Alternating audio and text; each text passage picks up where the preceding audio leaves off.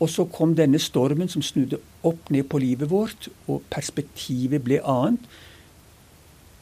Og jeg tror vi ser Guds hånd i det. Jeg kan ikke si at Gud sendte den stormen for at Kari og Asle skulle bli misjonærer. Det er ikke sånn jeg tror vi skal se det. Men i den situasjonen så var Gud der, og Gud dreide kompassnåla skal jeg nesten si 180 grader. Slik at vi svarte ja til å reise ut. Det tok oss tre dager å svare på henvendelsen. Og så, ni måneder etterpå, så var vi i Etiopia. Det at det gikk så fort, eh, hva tenker du om det nå? Det, det, var veldig Det var veldig ulikt oss. Fordi det var en amerikansk organisasjon hvor vi måtte ordne oss med midler sjøl. Dvs. Si at det var ikke vi som ordnet det. De sa hvis Gud vil at dere skal reise, så vil dere få det dere trenger. Og det gjorde Gud vitterlig. Men det var vi som måtte gå rundt og spørre. Det var en uvant situasjon å drive fundraising.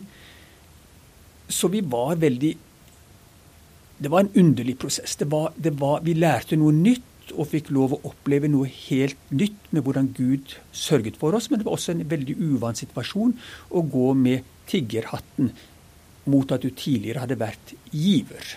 Så det var mye som ble snudd opp ned. Og økonomien vår ble snudd opp ned. Og det hadde vi sikkert bare godt av. Når vi tenker på yrkeslivet, så har du altså jobba på sykehus nå, både i Afrika, i Etiopia, i USA, i Texas og, og i Norge og Haukeland sykehus i Bergen. Eh, du kaller deg misjonær når du er i Etiopia. Eh, når du var i USA og nå når du har jobba her på Haukeland i Bergen, eh, har du misjonærtittelen med deg da òg? Um, skal jeg dvele litt ved det. Som jeg sier, at jeg har fått lov, tror jeg, til å gå en vandring på det. Jeg husker da jeg var ung lege her i Bergen under utdannelse, så syntes jeg det var forferdelig vanskelig å heise flagg. Å være en kristen på arbeid. Ikke det at jeg tror det var direkte mot kristen det jeg gjorde, men det å stå for at folk visste hvem jeg var, der tror jeg jeg var veik. Jeg, jeg er ikke glad for måten jeg presenterte det på. I USA var det lettere, for der er jo nesten alle kristne, og alle går i kirken. Men jeg tror også det arbeidet og det fellesskap vi hadde der, så visste de at det for oss som familie og for meg så betydde dette noe. Jeg fikk lov til å modnes. Når jeg kom tilbake til Haukeland etter å ha vært i Etiopia som misjonær, så var det ikke noe mer enn at det var helt naturlig. Folk kjenner meg som den som har vært i Etiopia. Jeg har vært misjonær i Etiopia. Og jeg har vokst opp som misjonærbarn, så min bakgrunn er nå kanskje det er, lett, det er veldig mye lettere å stå fram. Og når jeg nå skal reise ut, og jeg sier at jeg reiser ut for en misjonsorganisasjon, så er det det mest naturlige, og folk er imøtekommende, vennlige, og syns egentlig ikke Jeg har ikke møtt noen negativ reaksjon på det. Vi snakket litt tidligere, og da nevnte du det å, med respekt for tru, at det er viktig for deg. Eh, du ønsker å snakke, ikke diskutere med mennesker du møter om tru og trusspørsmål. Hva er det som gjør eh, det at en har respekt for tru eh, så viktig for deg? Jeg har nok tenkt og grunnet litt på dette. Det har kanskje mest med min egen måte måte altså, Å begynne å forstå litt hvordan jeg har møtt mennesker før, som jeg tror det fins forbedringspotensial på. Eh, vi kan gå til Bibelen, og så sier vi at eh, Gud skapte mennesket i sitt bilde. Og jeg vil gjerne ære og elske Gud, og jeg vil gjerne følge Hans bud og forskrifter. Og så skal jeg elske min neste som meg sjøl. Når Gud har skapt mine medmennesker, enten de er i Etiopia eller i Norge, i sitt bilde, så må jeg også respektere dem. Uavhengig av tro, uavhengig av utseende, mann eller kvinne. Og jeg kan ikke elske dem uten å respektere dem. Og tro er viktig for de vi møter. Så jeg, skal jeg være tro mot Gud, så må jeg også møte deres tro, selv om han ikke er lik min, med respekt. Jeg kan ikke møte dem og elske dem uten at jeg også respekterer dem. Og jeg tror at vi som misjon, iallfall den som jeg vokste opp med, som jeg kjenner, så var vi på mange måter hjelpere. Men det ble også litt sånn at de vi skulle hjelpe, de sto nedenfor oss. Og jeg må nok si at jeg var preget av det synet. At eh, vi er der for å hjelpe dem, og det er litt synd på dem, og det er litt stakkarslig. Jeg håper at vi kan gjøre noe av det godt igjen ved å respektere dem og forstå at de er likeverdige som oss. Også i deres tro, som ikke vi deler. Vi har den rette tro, det tror jeg fullt ut. Men når vi møter dem, så må vi også ta deres tro på alvor. For de tror på det de tror på. Men når du snakker om respekt for tro, så snakker du om at du skal ha respekt for andre sitt tro. Opplever du at uh, andre har respekt for din tro?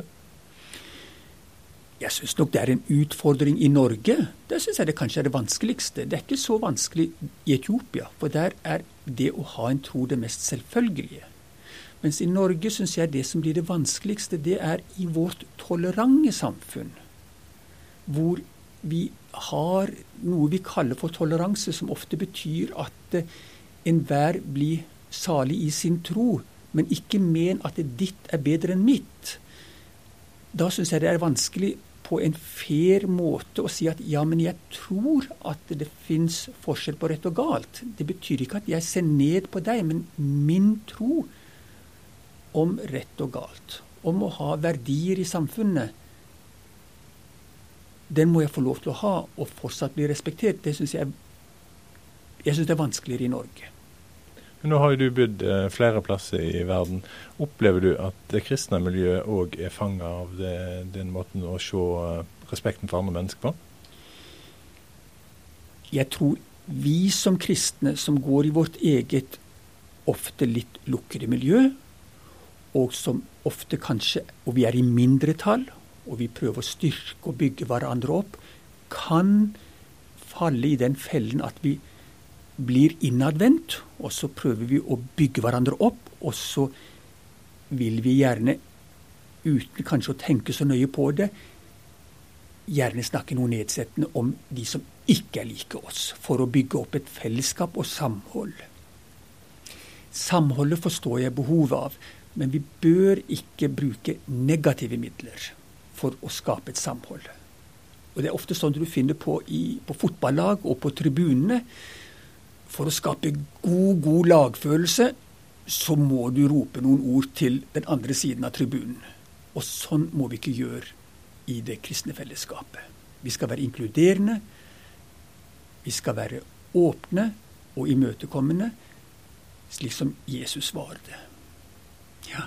Du hadde altså en oppvekst i Afrika. Eh, hvordan, eh, hva tenker du om den oppveksten nå, eh, når du ser tilbake på det?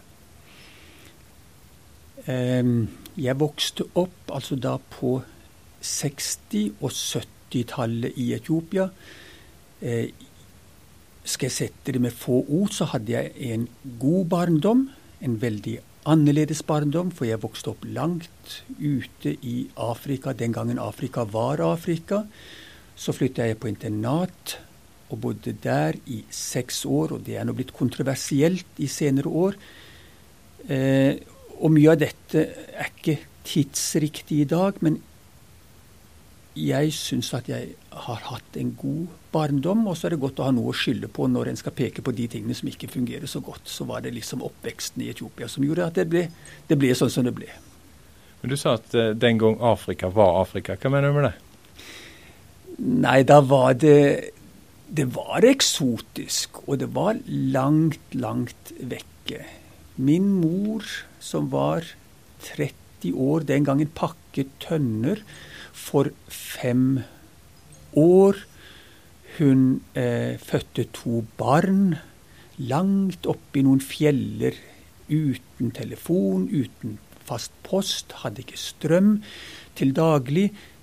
Ja, ja, de hadde et aggregat på kvelden. Det, det, var, det var, langt, langt vekke.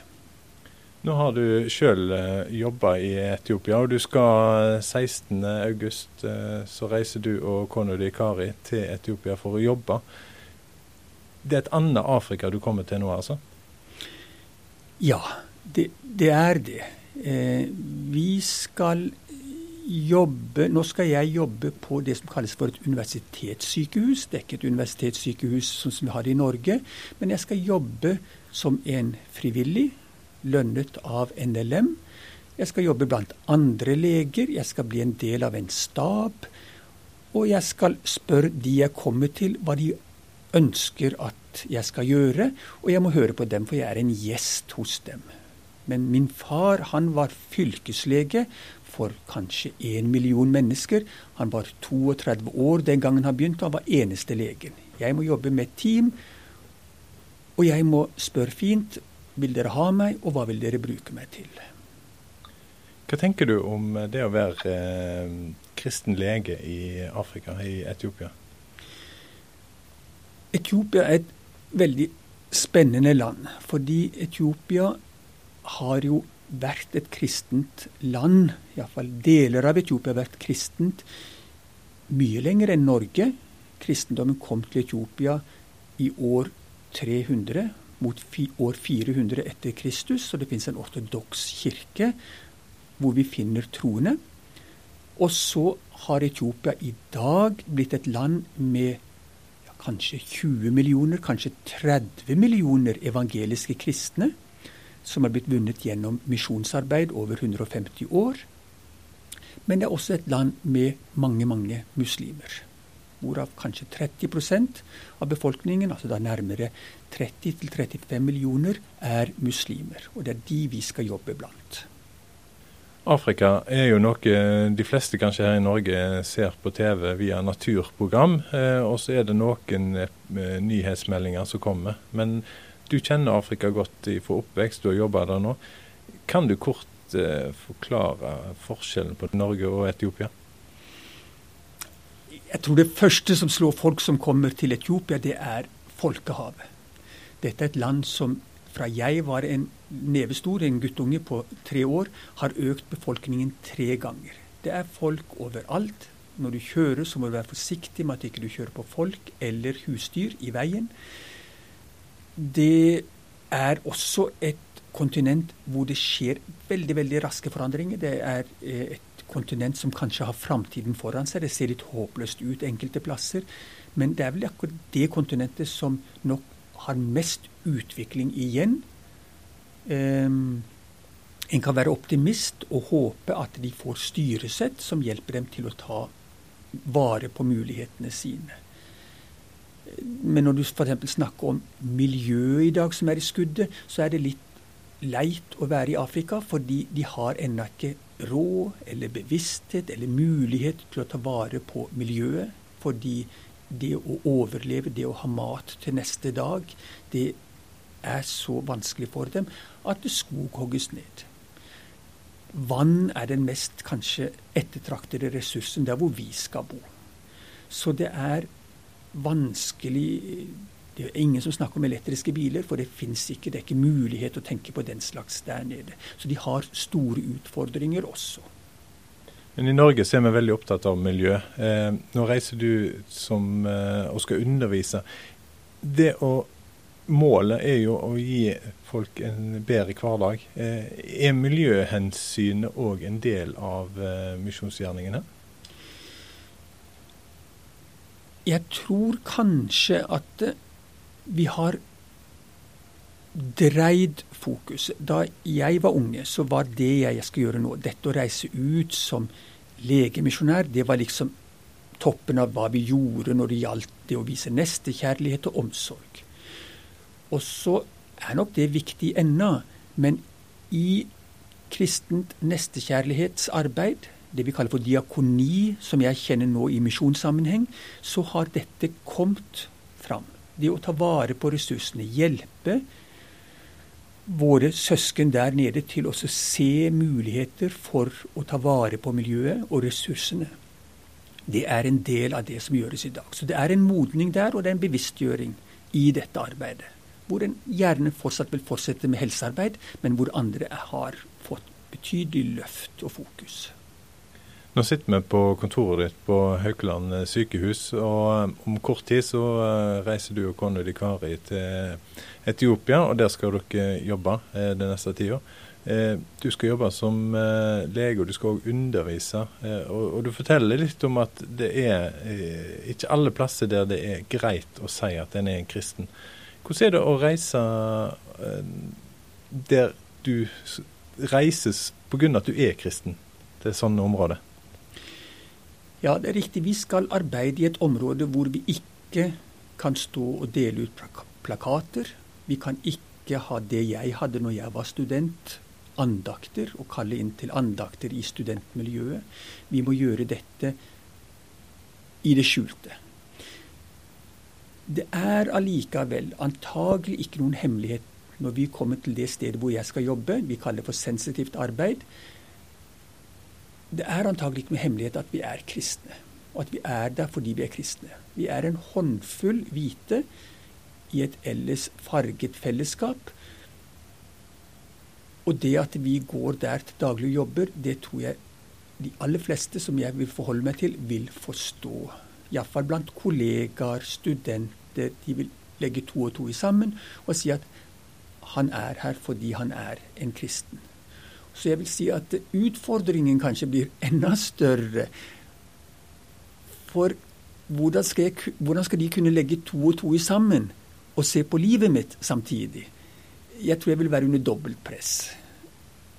At livet mitt må samsvare med hvem jeg er. For vi er så få kristne.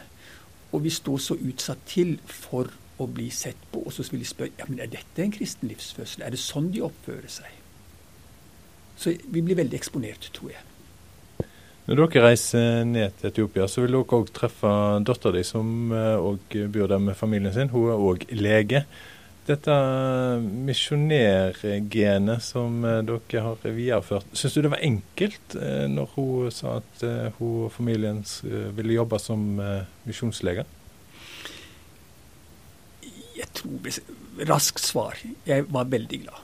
Hun visste når hun begynte å studere medisin, da snakket hun om at hun ville reise til den delen av verden hvor hun nå er, og være lege. Det var liksom på en måte hennes motivasjon. Hun hadde vært i sammen med sin farfar i Etiopia da hun var tolv år gammel, vel omtrent, og sett hva det var. Og vært på sommerferie hos sine besteforeldre og sett hvordan de levde. Så hun hadde fått det inn med morsmelk, skal vi si. Og meg og Kari, kone, gledet å høre at hun gjorde det valget. De to andre barna våre lever med Jesus, er på den samme veien, men de har valgt noe andre livsløp. Og vi er veldig glad for det òg, fordi de vandrer med Gud, bevisst hver på sin plass.